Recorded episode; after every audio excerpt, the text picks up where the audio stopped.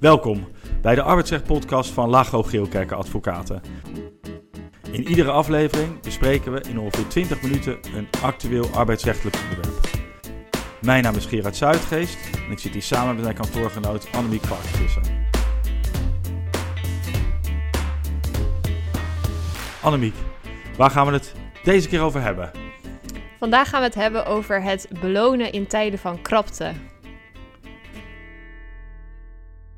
Ja, dus we gaan bespreken waar je nou als werkgever goed aan doet of verstandig aan doet. Bijvoorbeeld het betalen van bonussen of loonsverhogingen. Of is het juist beter om geen extra geld in uh, meer beloning te steken? Ja, er is natuurlijk wel een probleem. Hè? Er heerst uh, krapte op de arbeidsmarkt. Dat is eigenlijk al de onderstroom in de Nederlandse, op de Nederlandse arbeidsmarkt uh, gedurende, nou, ik denk al best wel wat jaren. Al zo'n 15 jaar geleden verscheen, ik kan het nog herinneren, een uh, rapport dat vrij vertaald de regering meldde. Het is eigenlijk niet echt nodig om wat aan het ontslagrecht te veranderen. Dat speelde toen. Uh, want er ontstaat op de Nederlandse arbeidsmarkt een structurele krapte. Ja, vervolgens kwam natuurlijk de, de bankencrisis en de financiële crisis. Ja. En die gooiden nogal wat roet in, in dat uh, eten, in dat beeld. Uh, en in de periode 2011-2015 waren er bijvoorbeeld gemiddeld maar 20 vacatures op iedere 100 werklozen. Hè. Dus toen was helemaal niet het beeld dat er krapte op de arbeidsmarkt uh, was. Hmm. Nou, toen de enige jaren is het natuurlijk weer economische groei geweest. Volgens kwam de coronacrisis die fors heeft ingegrepen. Maar toen zag je eigenlijk al in de coronacrisis ja, de krapte wat toenemen, ondanks die coronacrisis. Hè, want zelfs op het dieptepunt of het hoogtepunt van de coronacrisis waren er al meer dan 40 vacatures per 100 werklozen. En nu zijn er 105 vacatures op iedere 100 werklozen. Dat is ja. eigenlijk, zolang ze aan het meten zijn, nog nooit voorgekomen. Er zijn nu 370.000 werklozen in Nederland en 387.000 vacatures. Ja. En alle indicatoren voor de ontwikkeling op de arbeidsmarkt staan ook nog dezelfde kant op. Het wordt nog krapper. Mm -hmm. Zolang er natuurlijk geen echte crisis komt natuurlijk. En bovendien stromen er nog steeds meer pensioengerechtigden uit de arbeidsmarkt... en dat er nieuwe werknemers bijkomen. En dus voor werkgevers is het van groot belang om voldoende instroom te behouden... en ook om het bestaande personeel langer vast te kunnen houden. Ja, ja, en dan zie je wel in verschillende studies dat niet alleen het belonen um, belangrijk is daarvoor. Dus dat is niet de enige aantrekkingskracht. Nee. Maar ook de cultuur bij een uh, werkgever, de werksfeer, de waardering die, uh, die werknemers krijgen, of er ruimte is voor autonomie, initiatief en inspraak. Um, dus sommige deskundigen vinden ook het belang en het effect van dat extra belonen overschat en die van een goed gesprek uh, onderschat. Ja, dus uit ja, die onderzoeken volgt eigenlijk dat het extra belonen niet veel toevoegt, maar de beloning wel redelijk moet zijn en enigszins marktconform. Dat zijn zeg maar de, onder, uh, dat is de Maar ondergrens. Ja, klopt, ja. Ja, dus investeren in een betere beloning. Hè, we gaan met gro grote stappen, denk ik. Maar Ja. investeren in een betere beloning is dus hooguit een deel van wat je als werkgever nu moet doen. De aanpak om aantrekkelijk te zijn als werkgever moet veel breder zijn. Toch zie je wel dat er veel aandacht is uh, voor hoger loon. Niet zozeer, denk ik, vanuit de krapte op de arbeidsmarkt. Maar vanuit de regering bijvoorbeeld toegenomen inflatie, Mhm. mm. toegenomen energiekosten. Uh, nog op 14 april was in het nieuws de oproep van minister Schouten aan werkgevers om het loon waar mogelijk te verhogen. En ook uh, premier Mark Rutte, minister-president uh, Mark Rutte, deed dat, die oproep expliciet. Hè. Dat, is, dat zie je natuurlijk eigenlijk niet zo vaak dat de Nee. VVD, de bewindspersoon, zo'n oproep doet. Werkgevers verhoogt het loon. Hij zei er nog net bij dat het aan sociale partners was, maar de oproep was helder. Hmm. Dus uh, de beloning, extra beloning, meer beloning, dat is, uh, dat is hot. Ja. ja, wij zijn natuurlijk een juridische podcast, dus vandaag kijken wij rondom het thema belonen naar de arbeidsrechtelijke aspecten daarvan. We gaan binnenkort nog een aparte podcast maken over een ander uh, opkomend verschijnsel dat ook gericht is op de binding van werknemers. En dat is werknemersparticipatie. Ja, ja, ja. Dus niet de volgende keer, denk ik, maar misschien Nee. de, keer, uh, de Ja. keer daarop. Maar misschien eerst uh, nu de recap. Ja, de SER heeft een advies gegeven over hybride werken, dus de combinatie tussen thuiswerken en uh, op kantoor werken. En in het kort komt het erop neer dat de SER daarbij maatwerk adviseert, waarbij ruimte moet zijn voor uh, zeggenschap vanuit uh, het personeel. Mhm. En het beleid moet worden gebaseerd op goed overleg, op vertrouwen en verantwoordelijkheid, waarbij rekening moet worden gehouden met de sociale cohesie en ook met bepaalde groepen werknemers die niet hybride kunnen werken of niet hybride willen werken. Dus het is een beetje een algemeen advies eigenlijk, maar wel een steun in de rug voor ja, mogelijk de nieuwe wet werken waar je wil. Ja, ja, en waar, de, waar die uh, commissie regeldruk, waar we het eerder over hebben gehad, wat negatief was over uh, die nieuwe wet, is de SER uh, positiever. Iets anders, ik was laatst ook op een bijeenkomst waar de huidige bezetting van kantoorpanden in Nederland werd besproken. En het beeld is nog steeds in die bijeenkomst, een paar weken geleden, dat er nog steeds relatief veel mensen thuis werken. En die kantoorpanden eigenlijk te zeer onderbezet zijn. En daar was het gevoelen vanuit de markt dat werkgevers proberen actief weer mensen naar het bedrijf te halen in plaats van thuis te laten werken. En ik zie ook wel als je op de weg zit dat de files alweer uh, toenemen. Dus Ja. aan de ene kant zijn het signalen, joh, uh, thuiswerken is echt iets blijvends. Aan de andere kant zie je toch ook wel de druk en de oproep vanuit werkgevers, joh, kom weer naar kantoor. Ik ben benieuwd hoe dit zal, gaat eh, ontwikkelen. Ja. Ja, dan als laatste nog een uitspraak over grensoverschrijdend, uh, grensoverschrijdend gedrag. Uh, dat ging over een vestigingsmanager die terecht uh, ontslagen was wegens ongewenste opmerkingen en aanrakingen. Ja, nogal ongewenst, ja. Ja, ja. hij had bijvoorbeeld gevraagd aan een vrouwelijke collega wat haar cupmaat was. Hij had iets gezegd over dat, ze, dat het mooi uitzicht was toen zij voor hem liep. Uh, hij had een keer zijn broek opengeritst. Nou ja, ja, ja, gewoon provocerend. Ja. En uiteindelijk zei die vestigingsmanager in de procedure dat hij vond dat het het opzet was, dat ze hem gewoon weg wilden werken en dat die verklaringen ook leugenachtig waren.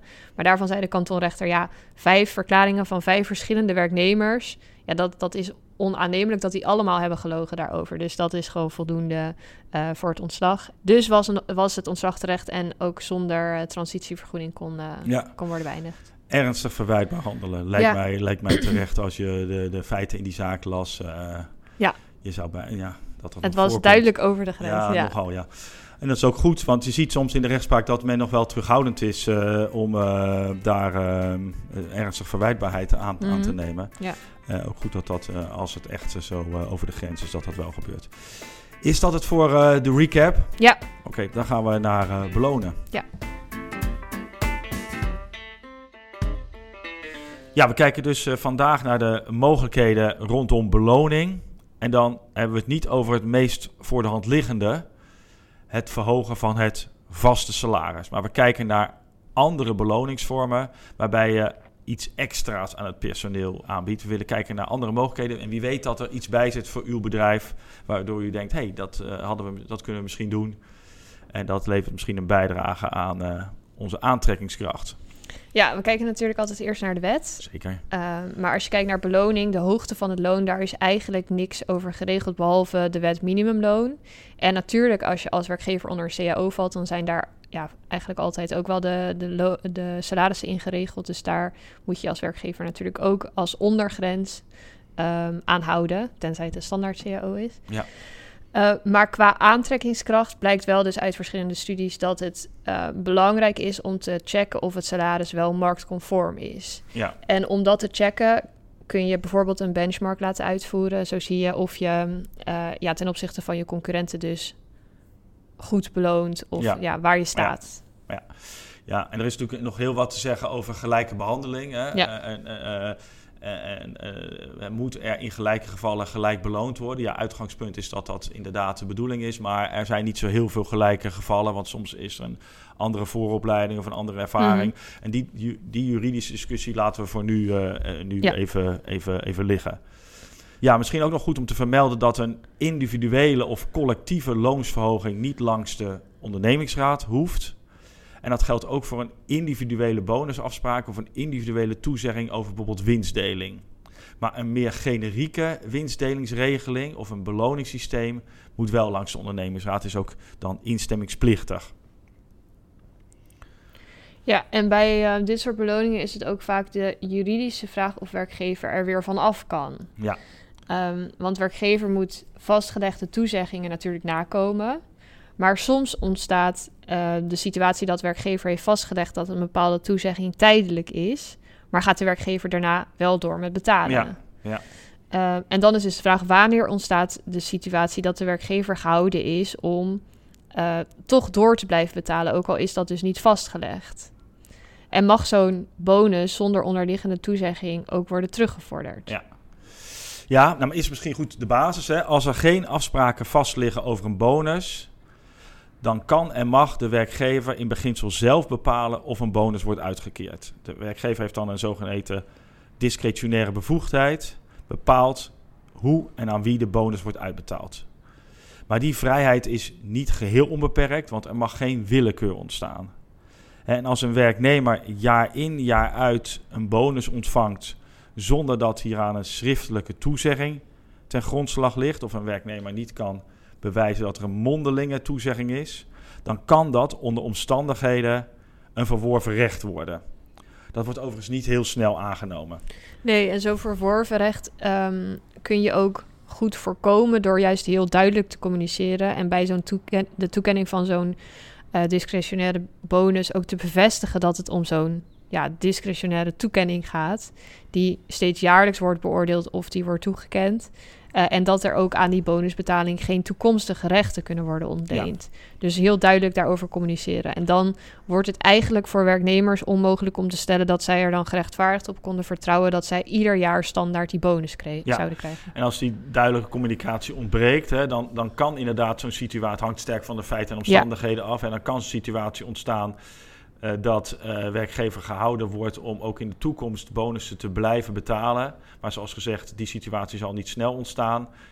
Mag nou zo'n bonus worden teruggevorderd als er op basis van een niet toegezegde bonusregeling toch bonus uh, zijn uitgekeerd? Ja, als de werkgever natuurlijk gewoon beoogd heeft om bonussen te betalen, ondanks toezegging, ja, dan kan er niet worden teruggevorderd. Nee. Hè. De werknemer mag er dan gerechtvaardigd op vertrouwen dat de werkgever ook daadwerkelijk bonus wilde betalen. Maar als ook voor de werknemer duidelijk was dat er sprake was van een vergissing van de bank en de werkgever komt daar snel achter, ja, dan kan zo'n terugvordering uh, onder omstandigheden wel. Een andere vraag die we daarover vaak krijgen, is het nou verstandig om een bonusregeling in te voeren? Ja, die vraag krijgen we steeds meer, hè, want ja. uh, uh, werkgevers willen, willen beter belonen. En die zoeken dan naar mogelijkheden om uh, niet het vaste loon te, te, gaan verhogen, maar zoiets met bonus te doen. Ja, ik ben persoonlijk niet zo'n fan van, uh, van, van bonussen. Het is denk ik een beetje een labmiddel. En uit onderzoeken blijkt ook dat bonusregelingen heel snel dissatisfiers worden. Hè. Dat als ze worden ingevoerd, dan is het leuk. Mm -hmm. uh, maar op het moment dat uh, de werkgever uh, variatie gaat aanbrengen in de bonus, dus de ene werknemer op basis van de bonusregeling wel, de andere werknemer op basis van de bonusregeling niet. En ja, dan ontstaat snel ontevredenheid en discussies over de, de, de, over de onderligger. En je ziet in onderzoeken dat uh, maar heel weinig uh, zulke bonusregeling door werknemers worden ervaren als iets, uh, als iets po positiefs. En maar ja, op het moment dat je natuurlijk een goede bonusregeling hebt, ja, dan, dan zit je er als werkgever niet snel aan vast. Dat is ook wel weer het, voordeel. Dus het kan een tijdelijk labmiddel zijn. zijn. Ja. ja. Ja, wat we nu ook voorbij zien komen is dat uh, winstdelingsregelingen weer worden opgepoetst en ja. weer bij werkgevers worden ingevoerd. En het mooie van een winstdeling is dat de uitkering aan de werknemer meebeweegt met het resultaat van het bedrijf. Um, het lastige is wel dat reken de rekening pas achteraf natuurlijk wordt opgemaakt. En je er dus ja, nu, ja, dus als snelle, snelle um, prikkel, prikkel heb ja. je er niet zoveel nee. aan. Sommige werkgevers betalen daarom wel een soort voorschot op de winstuitkering voor het lopende jaar. Maar ja, daar, ja, het nadeel daarvan is wel dat het voorschot misschien bij de verkeerde mensen terechtkomt. Dus uh, bijvoorbeeld de mensen die in de loop van het jaar vertrekken. Ja, die wil je eigenlijk natuurlijk niet... Uh, die, die, wil je niet belo extra nee, belonen. de mensen die blijven wil je ja, belonen precies. en niet de mensen die, uh, die, die weggaan. Ja. En daarom is in veel winstdelingsregelingen vastgelegd dat alleen werknemers die nog in dienst zijn op het moment van de uitkering van de winstdelingsregeling op die uitkering recht hebben. Het is sowieso goed om in ieder, als je zo'n regeling ontwerpt, of het nou een bonusregeling is of uh, een winstdelingsregeling, om heel goed te borgen dat het geld dat je uitgeeft bij de juiste mensen terechtkomt. Bij ja. de mensen die blijven. Ja. Uh, de mensen die zijn vertrokken of gaan vertrekken, ja, die zouden eigenlijk niet extra moeten worden beloond. Nee. En dat, dat, dat, dat, dat vergt soms heel scherp formuleren in zo'n regeling om ervoor te zorgen, ja, het geld komt bij de juiste mensen terecht. Ja. Ik hoor ook nog van werkgevers dat ze andere wat meer uh, onconventionele dingen doen. Bijvoorbeeld werkgevers die het vakantiegeld naar 8,5% verhogen. Hè, voelt als een blijvend voordeel van die werkgever ten opzichte van andere werkgevers. En want wij betalen 8,5% vakantietoeslag in plaats van 8%. Ja. En ik hoorde laatst nog ook nog van een werkgever dat zij uh, compensatie aan het personeel willen betalen in verband met gestegen gasprijzen of energiekosten. Dat zijn natuurlijk naar zijn aard tijdelijke compensaties. Dus het is belangrijk om dan schriftelijk vast te leggen voor welke duur die compensatie gaat gelden. Ik kan bijvoorbeeld als vorm communiceren dat de werknemer een energietoeslag krijgt van 500 euro bruto als bedrag ineens. Altijd meegenomen, maar snel vergeten. Mhm. Maar je kunt ook denken aan een rond bedrag, bijvoorbeeld een half maand salaris of 1000 euro, eh, dat over een periode van een, een jaar in maandelijkse termijnen Ja. wordt uitgesmeerd voor de duur dat de werknemer nog in dienst van die werkgever is. Hè. Als, die, als dan stopt de eh, betaling na een jaar of als de werknemer eerder vertrekt. En dan, ja, dan hebben die werknemers langduriger Ja. het gevoel... mijn werkgever doet wat extra's. Ja, precies.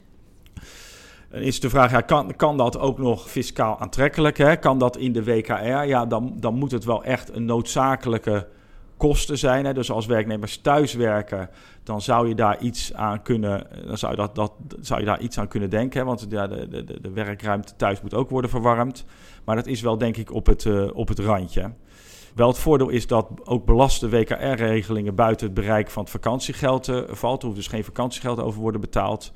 Als het als loon wordt betaald, dan moet daar natuurlijk wel eh, vakantiegeld over eh, worden afgerekend. Wat we ook nog zien is dat, eh, werkgevers, eh, dat er werkgevers zijn die een voorschot op de CAO-loonsverhoging nemen. Dus stel de CAO-partijen die komen er vooralsnog niet uit en het duurt allemaal wat lang. Dan kun je als werkgever als blijk van waardering voor, voor het personeel alvast een collectieve verhoging aanbieden. Voor uitlopend op de CAO-verhoging. Mhm, Ja, en daarbij is het wel ja, ook weer heel belangrijk dat je dat dus goed, ops ja, goed opschrijft, goed vastlegt. Dat het een voorschot is op. En dat het dus niet en-en is. Dus dat je de verhoging nu en de verhoging met de CAO eh, moet betalen. ja. ja, zeker. Dus dat is echt eh, een kwestie van eventjes eh, juridisch fijn slijpen. Ja. ja, en je ziet natuurlijk nog allerlei andere dingen. Sportschool, al- al- al- abonnementen, fietsenplannen. En er wordt aan alle kanten wordt er geprobeerd om te kijken... kunnen wij eh, middels geld of tegemoetkomingen als werkgever... eh, extra aantrekkingskrachten ontwikkelen. En ik denk dat het goed is dat werkgevers daar heel goed over nadenken. Ja. Eh, maar dat het ook goed is om je te realiseren... ja, beloning is lang niet alles als je als werkgever aantrekkelijk wilt blijven.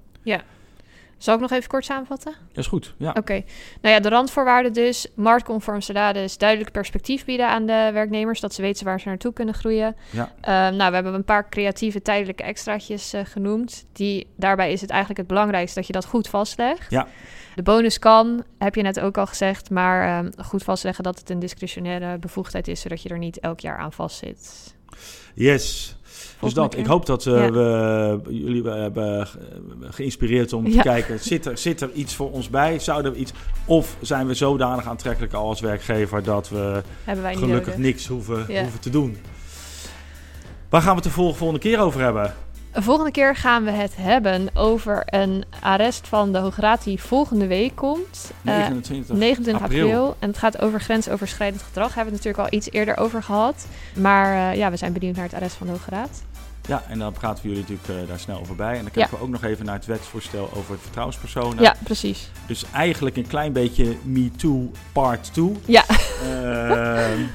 En eh, nou ja, we hopen dat de Hoge Raad eh, wat handvatten geeft voor de praktijk. eh, zodat werkgevers nog slagvaardiger kunnen zijn op dat terrein. Oké, nou bedankt voor het luisteren. Dank voor het luisteren. Tot de volgende keer. Ja.